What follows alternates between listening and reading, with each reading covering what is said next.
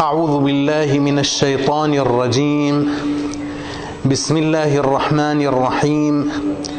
والصلاة والسلام على أشرف الخلق أجمعين أبي القاسم محمد وآله الطيبين الطاهرين المعصومين المنتجبين واللعن الدائم على أعدائهم أجمعين من الآن إلى قيام يوم الدين. قال الله العلي العظيم في كتابه الكريم بسم الله الرحمن الرحيم. إنما يريد الله ليذهب عنكم الرجس أهل البيت ويطهركم تطهيرا. آمنا بالله. صدق الله العلي العظيم. طيبوا أفواهكم بالصلاة على محمد وآل محمد. في ذكرى مولد الحوراء زينب بنت أمير المؤمنين عليه أفضل الصلاة عليهما أفضل الصلاة والسلام. من المهم والأدب أن نتوقف عند مقاماتها. سلام الله عليها. ولكن نريد أن ندخل إلى هذا البحث بمدخل لعله يكون مختلفا شيئا ما. كيف نستطيع أن نتعرف على مقام مقام الحوراء سلام الله عليها؟ وما هو الأسلوب الصحيح الموصل إلى النتيجة الصحيحة أيضا؟ لأن كلا يدعي في مقام الأفكار في ساحة الأفكار كل يدعي وصلا بليلى وليلى لا تقر لهم. بذاك مسألة واحدة أنت أطرح وشوف مسألة فكرية وشوف معركة الآراء. هذا يشرق وهذا يغرب وهذا يجنب وهذا يشمل وكل يقول بأنني أنا الحق.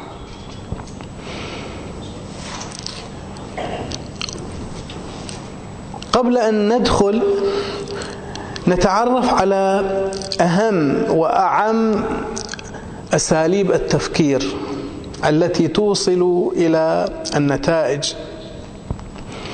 عادة هناك أربعة أساليب وطرق للتفكير.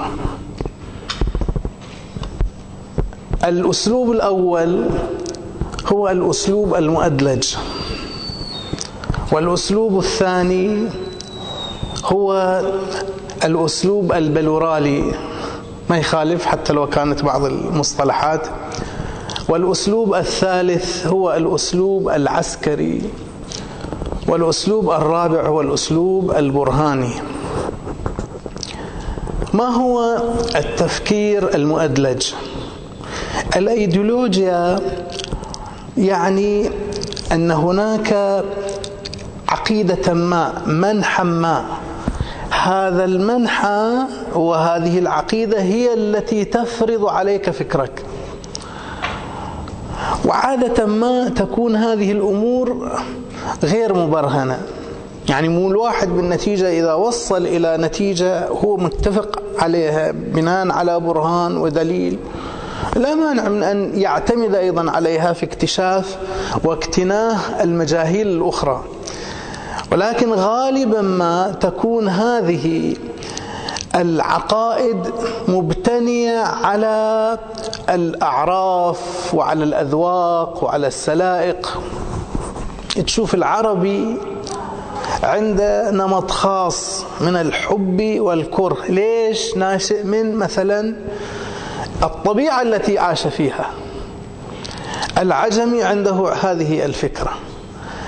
الطابع الليبرالي مثلا عنده هذه الطريقة من أو العقيدة الاعتقادات المعينة. وبالتالي حينما مثلا نفكر في مسألة المرأة تجد من يرى أن القرآن الكريم أجحف بحق المرأة. وتجد من يرى أن القرآن الكريم أعطى المرأة أكثر من حقها. ليش؟ لأن هذا ينطلق من منطلق أن المرأة ينبغي أن تكون مثلا تعطى مئة فإذا رأى الذي أعطاها القرآن الكريم مثلا خمسين يرى أن هذه المعطيات معطيات قليلة وذلك الذي تعود على أن تكون المرأة محبوسة على أن المرأة لا رأي لها على أن المرأة لا إرث لها على أن المرأة لا شخصية لها. إذا جاء إلى القرآن الكريم وإلى السنة المطهرة أحيانا يمتعض وحينما تعترض عليه وتقول لماذا تفعلون هذا؟ الإسلام يقول كذا والإسلام يقول كذا يقول دعنا عن الإسلام. نحن عشائر. وهذه الطريقة من التفكير. هذا التفكير بالنتيجة صنع شعوبا وصنع نحلا ومللا ولكن هذه النحل أو النحل والملل بالنتيجة نتائجها خاطئة. لا نريد أن ندخل ندخل في تفاصيل هذا الأمر. الأسلوب الثاني التفكير الثاني التفكير البلورالي أو قد يسمى بالسفسطائي أو قد يسمى بالهرموني أو قد يسمى بالتعددي. هذا ماذا يقول؟ هذا لا يوجد عنده شيء يسمى ثابت. كل شيء قابل لأن يقبل وكل شيء قابل لأن يصدق. وهذا مشكلة طبعا على المستوى العلمي بل حتى على المستوى العملي. يعني أنا مثلا حينما أقول لك آتني بكأس ماء وهذا له معنى. حينما مثلا ذاك البعيد يصدر مني سب أو قذف في حق واحد فهذا له حق أن يشتكي عليه له حق أن يقاضيني. له حق أن يغضب مني. فإذا جئت وقلت لا هو له تأويل كلامه. كلامه يؤول بكيت وكيت وكيت. بناء على هذا التفكير كل كلمة يمكن أن تفسر بما شئت. فرعون كما قال بعضهم فرعون لم يأته موسى ويقول له أو ويقول, ويقول يقول له لا تدعي أنك إله وإنما جاء له موسى قائلا لا تقل إنني الإله الوحيد. هالشكل يفهم من القرآن؟ ولكن يوجد بعضهم قال هذا الكلام. فمثلا يطلع يزيد صاحب للإمام الحسين. ممكن يكون أصلا يزيد هو من أهل الجنة والإمام الحسين يصير والعياذ بالله من أهل النار. ممكن يكون فرعون وموسى أصدقاء في الجنة وهؤلاء الذين تبعوا موسى والذين تبعوا فرعون ممكن يكونون في جانب آخر في الآخرة. أصلا هذا مقبول؟ يقول نعم. البلوراليين يقول هالشكل يقول كل شيء يمكن أن يفسر بتفسير. أنت لما تقول هذا الكلام هذا تفسيرك أنت. أنا تفسير مختلف. زي تفسيرك أنت على أي أصول يعتمد؟ تفسيرك على أي أصل يعتمد؟ هنا مربط الفرس. المبادئ متخلخلة. لذلك انطلقت هذه التسمية السفسطائية أو السفسطة. كلام غير محصل ولكن على أي حال مستعد لأن يبقى معك يوما كاملا يجادلك. أنت تقول فوق يقول لا تحت. ما يقولون عنزة. ولو طارت ولو طارت. بعض الناس هكذا يفكرون. طبعا هو الإنسان رب العالمين معطيه قلب يفقه يعرف أن هذا غلط. لكن أحيانا الإنسان يسير في طريق شيئا فشيئا يصدق هذا الطريق حتى لو كان هذا الطريق خاطئا. ولذلك الإنسان لابد أن يكون دقيقا مع نفسه. إذا شاف غلط من البداية يقص الخيط هذا ويقطع الطريق يرجع إلى الطريق الصح. لأن الحق حق والباطل باطل. اللهم أرنا الحق حقا وارزقنا اتباعه. هذا معناه يعني هناك حق وهناك باطل هناك صح وهناك خطأ. ولكن هذا الأسلوب هذا الطريق من التفكير يقول لا. هذا بالنتيجة كل شيء يمكن أن يقول أن هذا مثلا الإنسان الفاسق الفاجر تقي ونبي من الأنبياء. ويمكن أن ينعت أحد الأنبياء بأنه ليس كذلك. وانت بناء على إذا تدخل في هذا التفسير إذا عفوا في هذا الأسلوب لا تستطيع أن تثنيه أو تثنيه الأسلوب الثالث هو الأسلوب العسكري. بعد انت ما لك حق تفكر. شنو يقولون لك أنت تمشي؟ قولتهم الرئيس عاوز كذا. اللي يقوله من فوق هو لازم اللي يطبق. اللي يملى عليه شنو يقول ذاك؟ يقول الرئيس هذا أو الخليفة هذا ومن أبى فهذا ومن بعده هذا ومن أبى فهذا. يعني الزعيم الخليفة معاوية. ومن أبى ما أدري ومن بعده فيزيد. ومن أبى فهذا ويرفع السيف. اليوم ما أكثر التجمعات الفكرية أنا ما أتكلم عن اللوبيات والمافياهات وما أشبه. لا لا أتكلم عن الجمعيات الفكرية وأحيانا السياسية. أنت تكون مصادر الفكر الذي يفكر يفكر عنك موجود. أنت لازم تقول أن هذا صح. لابد أن تقول بأن هذا خطأ. لو اعترض عليك لذلك مثلا بعض النصارى حينما تأتي لهم يقول هذه ثلاثة واحد وواحد هي ما تصير. انصافا يعني أي واحد اذا ولذلك كثيرين من النصارى سبب إسلامهم هو هذا وهي نفسه في داخل نفسه ما قاعد ينسجم ما قاعد يقبل أنه كيف يكون الله واحدا وهو ثلاثة والثلاثة واحدا. يجي طبعا على طريقة السفسطة توجد بعض التوجيهات ولكن هذه التوجيهات العقل بشكل سريع يطردها عنه. إذا أعطى الإنسان عقله مجالا لماذا؟ للتفكير ولحرية الفكر.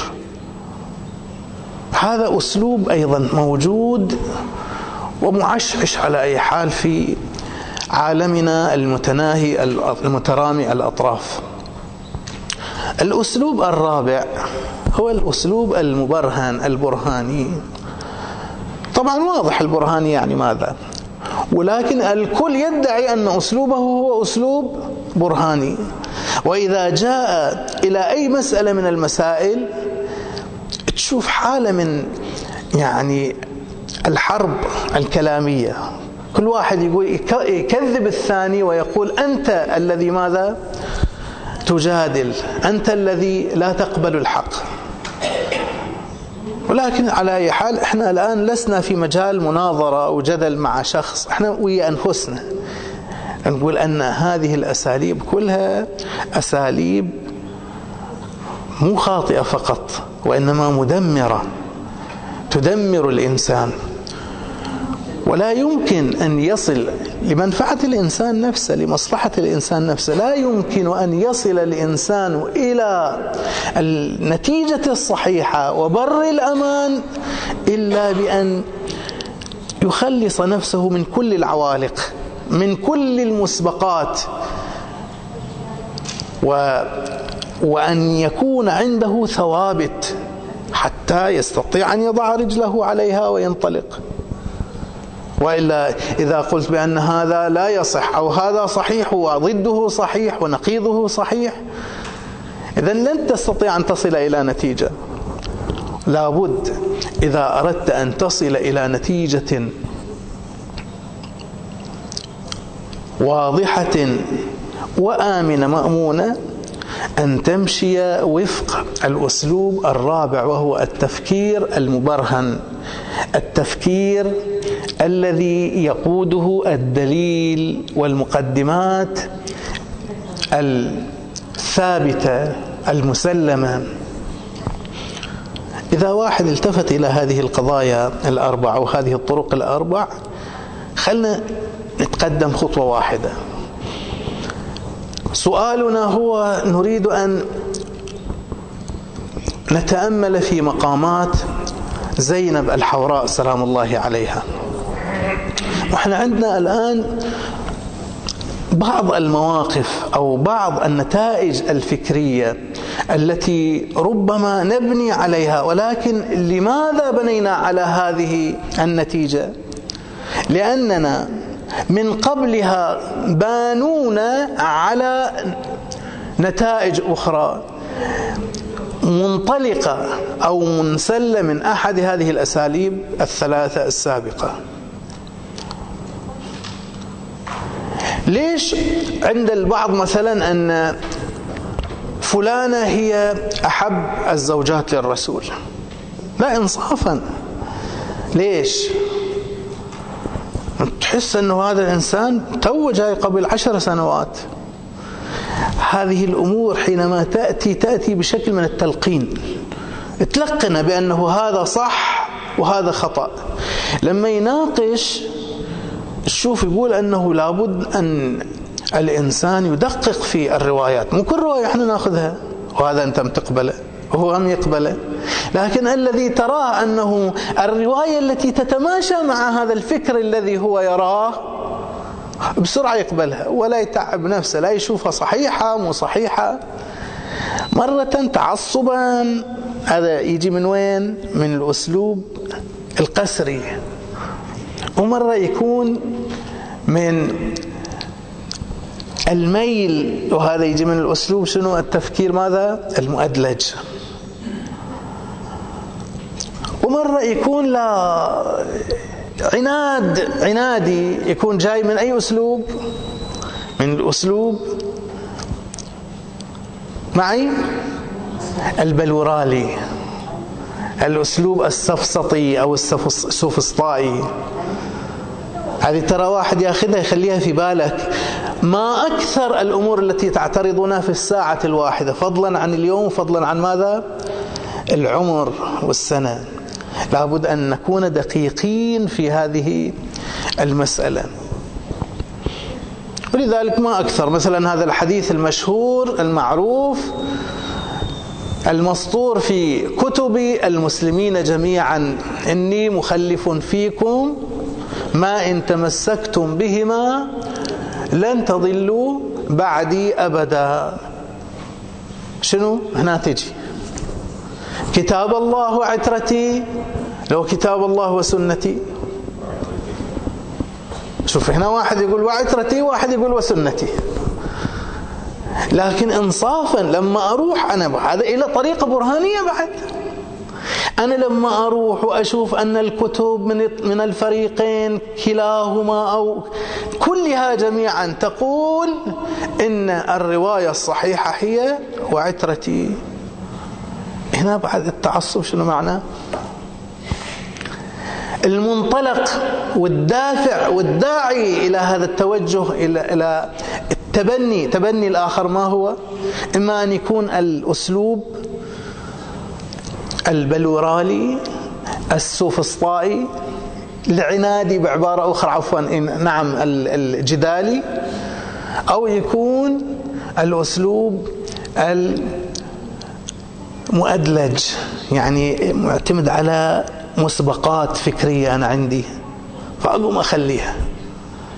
الآن هذا مثال ديني هناك كثير من الأمثلة الاجتماعية إحنا نعيشها أيضا بل حتى الدينية أيضا. يعني مرات في مسائل ثانية واحد يقبل المثال لكن لما يجي إلى واقعه هو لأنه ينصدم فلذلك إما يكذب أو يتوقف. لكن هذا اللي يخلص نفسه من العوالق يخلص نفسه. أولا هو يريح نفسه وثانيا يصل بشكل سريع ومأمون إلى النتيجة. أوه ما نريد بعد نطيل في هذا الجانب.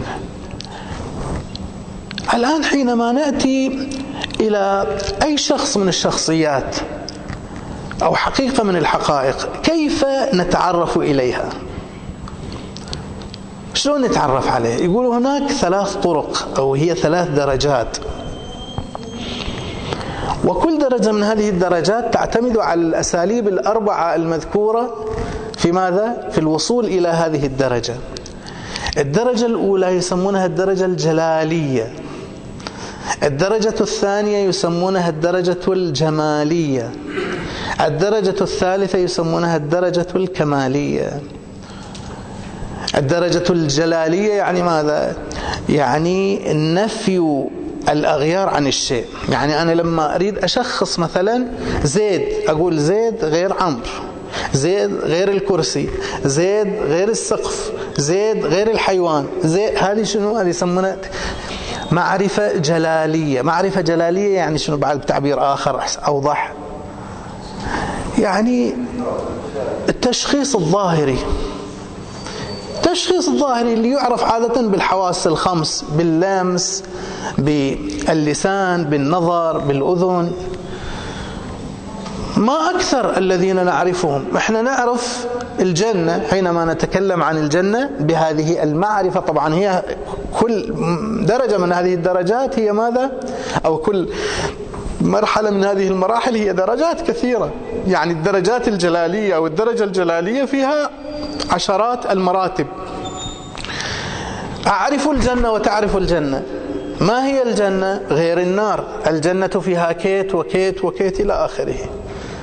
لكن هذه مرحلة يسمونها مرحلة جلالية.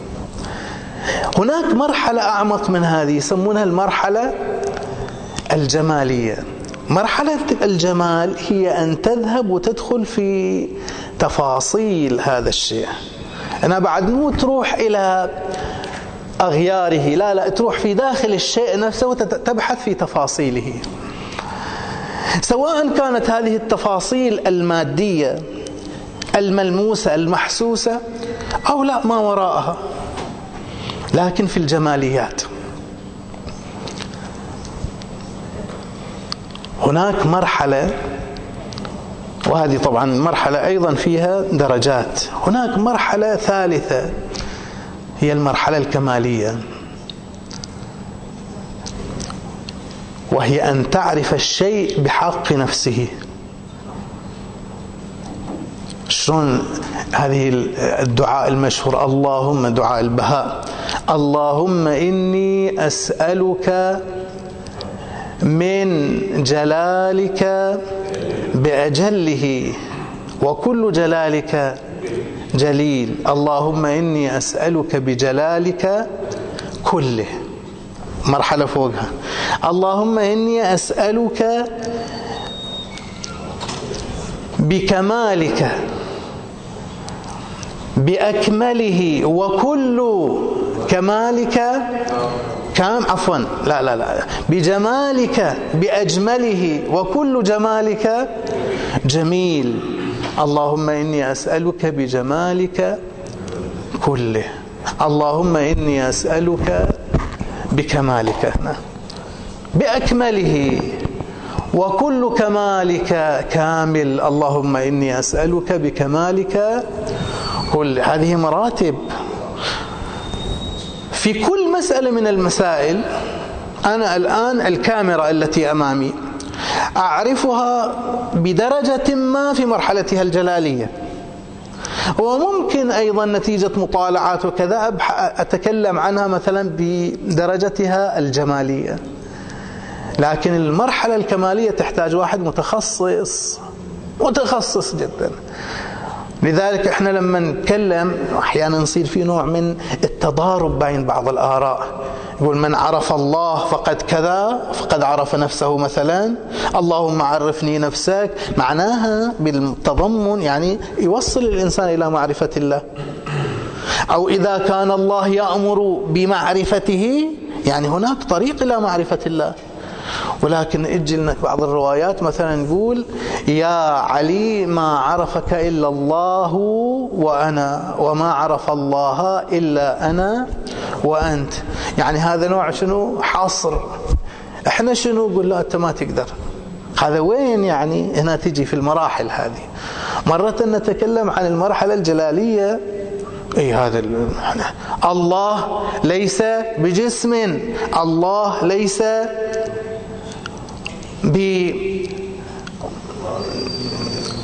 بظالم إلى آخره. صحيح؟ بمخلوق المرحلة الجمالية أيضا. و الله سبحانه وتعالى يعرف بالأسماء الحسنى. وهذه الأسماء الحسنى أن الله سبحانه وتعالى ماذا؟ سبوح قدوس قيوم حي إلى آخره. هذه من الصفات ماذا؟ العليا والأسماء الحسنى التي تشير إلى نواحي جمالية. لكن الكمال الذي لا يعرفه سوى الله سبحانه وتعالى وبمرحلة أدنى رسول الله وأمير المؤمنين من بعده الأئمة. في زيارة الجامعة الكبيرة نشوف لا أنهم يعرفونه أنهم يعرفونه. في زيارات أخرى في أحاديث أخرى أن المؤمنين أيضا يعرفونه. فهذه المعرفة الدرجاتية أو المراتبية معناها شنو؟ معناها أن, أن هذا الذي يسمى بالتضارب أو التناقض يمكن رفعه لأنه هذا يبحث في مرحلة وذاك يبحث في مرحلة ثانية. هذه المراتب الثلاث أيضا. ينبغي أن نعملها بعبارة أخرى. إحنا كيف نتعامل مع أي شخص أو أي فكرة أصلا نعرفها حسب الدرجة التي نحن وصلنا إليها. حينما نتكلم السؤال هو هذا. حينما نتكلم عن مقام السيدة زينب سلام الله عليها واحد يسأل سؤال يقول أنه هل زينب معصومة أو ليست بمعصومة؟ أحيانا يسأل يسأل البعض أن زينب أفضل أم مريم؟ العذراء سلام الله عليها. أحيانا الواحد عند تجي بعض الشبهات أحيانا لفي نوع من الإكبار فكيف يمكن أن نصل إلى حقيقة أو على الأقل إلى نتيجة مبرهنة؟ وبناء على هذه النقاط التي ذكرناها نحاول أن ندخل بشيء من الاختصار. الذي نعرفه عنها سلام الله عليها مسألة بسيطة جدا. نعرف فقط في موقعة كربلاء وفي السبي. لكن الإنصاف أننا أيضا لا نعرف عن الأنبياء إلا بهذا المقدار. عليه السلام عمر قرابة ثلاثة آلاف سنة. فقط في قومه ألف مئة إلا خمسين عام ألف, ألف سنة إلا خمسين عاما. لكن كل الذي ذكر عن نوح في القرآن الكريم صفحتين خليها صفحتين ونص. وبعضها أيضا مكررات في المشهد العام في التفاصيل لا في نوع من الاختلاف. هذه الثلاثة الآلاف سنة هكذا اختصرت. هذا مو آه، يعني بالضرورة يريد أن يذكر لنا تفاصيل حياته لكن هناك بعض القضايا التي عملها نوح لا يقوم بها إلا ذو شخصية معينة. ولذلك في القرآن الكريم في أماكن ثانية يقول فبهداهم اقتده هؤلاء الذين نزهوا أنفسهم حينما نأتي مثلا لزيارة الزهراء سلام الله عليها. السلام عليك يا ممتحنة امتحنك الله. فوجدك لما امتحنك صابرة واجد يسألون يقولون شلون هذيلين وصلوا إلى درجة العصمة؟ هؤلاء. وإذ ابتلى إبراهيم ربه بكلمات فأتمهن. وهكذا موسى وهكذا رسول الله صلى الله عليه وآله وسلم. فكون الذي نعرفه عن الحوراء سلام الله عليها مقدارا يسيرا هذا لا يبرر ولا يسوغ أننا آه، نقول ماذا نعرف عنها حتى نحكم بهذا الحكم.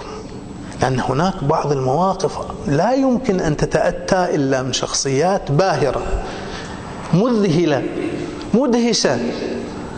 يعني إذا عرفنا أن الكون كله الكون كله معتمد على ثورة الطف.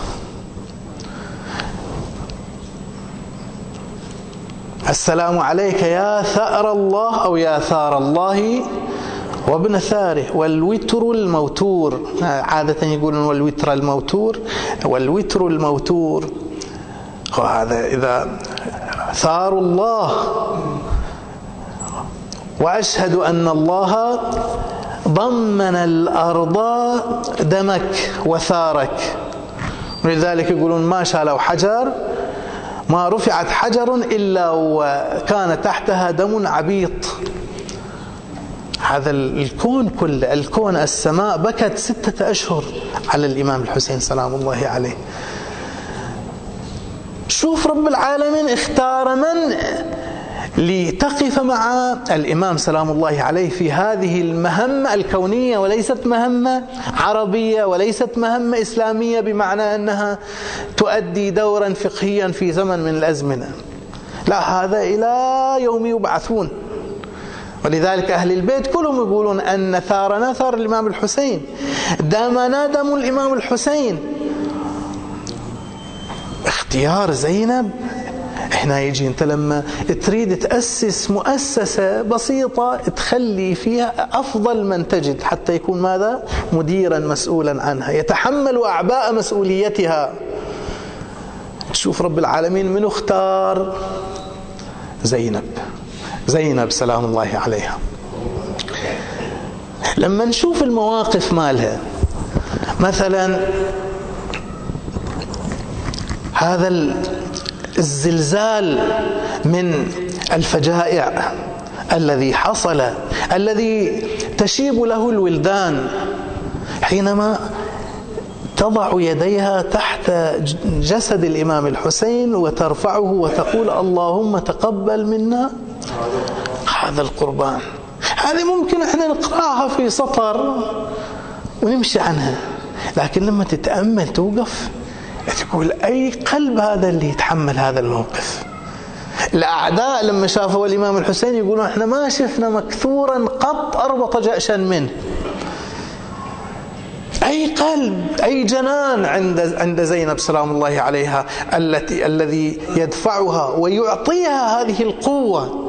لا وأكثر من هذا شنو؟ اللهم تقبل منا هذا القربان. هذا الاعتقاد. حينما مثلا تأتي إلى أنه حتى في الليلة الحادية عشرة صلاة الليل لم تتركها. هذا ترى مو اعتباط. واحد مرة مثلا ما يقدر مرة شوي تعبان مرة يقول يلا باكر هذا مو واجب مو واجب. حينما تأتي إلى صولاتها وخطاباتها مع يزيد أو مع ابن زياد الآن الجانب البلاغي. الجانب البلاغي الذي بلغاء العرب لم يستطيعوا أمامه حولا ولا طولا ولكن تعال إلى الإشراقات اللي فيها إشراقات نبوية. حينما تقول فكد كيدك واسع سعيك وناصب جهدك أو جهدك فوالله لا تمي شوف ترى هذه كلها تنبؤات. تقول إيش دراش هو ممكن ما يصير.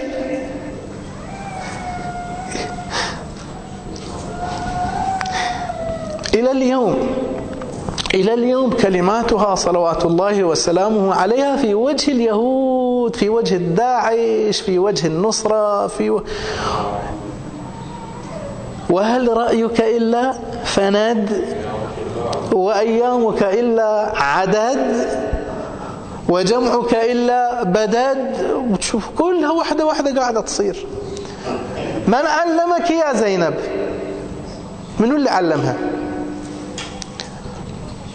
هذه معناه أنه زي مريم سلام الله عليها إطراء عجيب في القرآن الكريم. إن الله اصطفاك وطهرك واصطفاك على نساء العالمين. لكن الموقف اللي تشوفه شنو؟ تقول كأنه ظاهر بسيط يعني. بسيط. شنو سوت مريم؟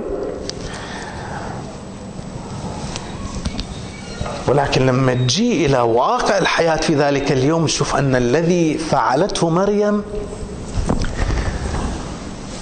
هو رافع راية الإنسان كل الإنسان.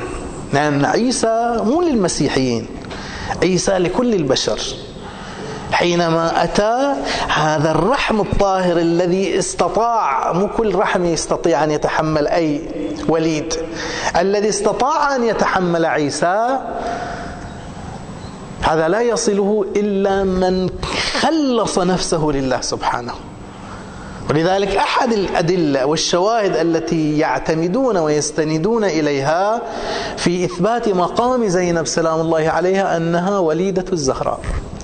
لأن الزهراء سلام الله عليها كل الذين ولدتهم هم من هذا النمط.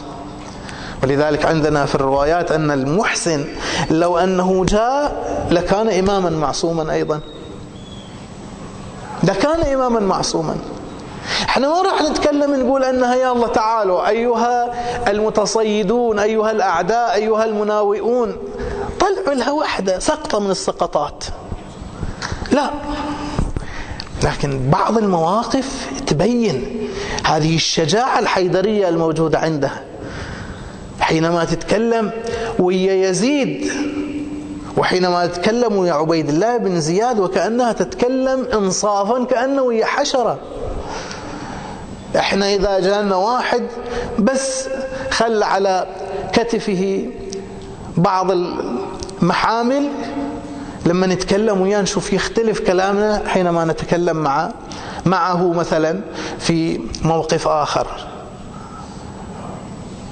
يقول يقول لئن جرت علي الدواهي مخاطبتك إني لأستصغر قدرك. وأستعظم تقريعك. هذا بعض مقام زينب لأنه أنا أحس أني طولت.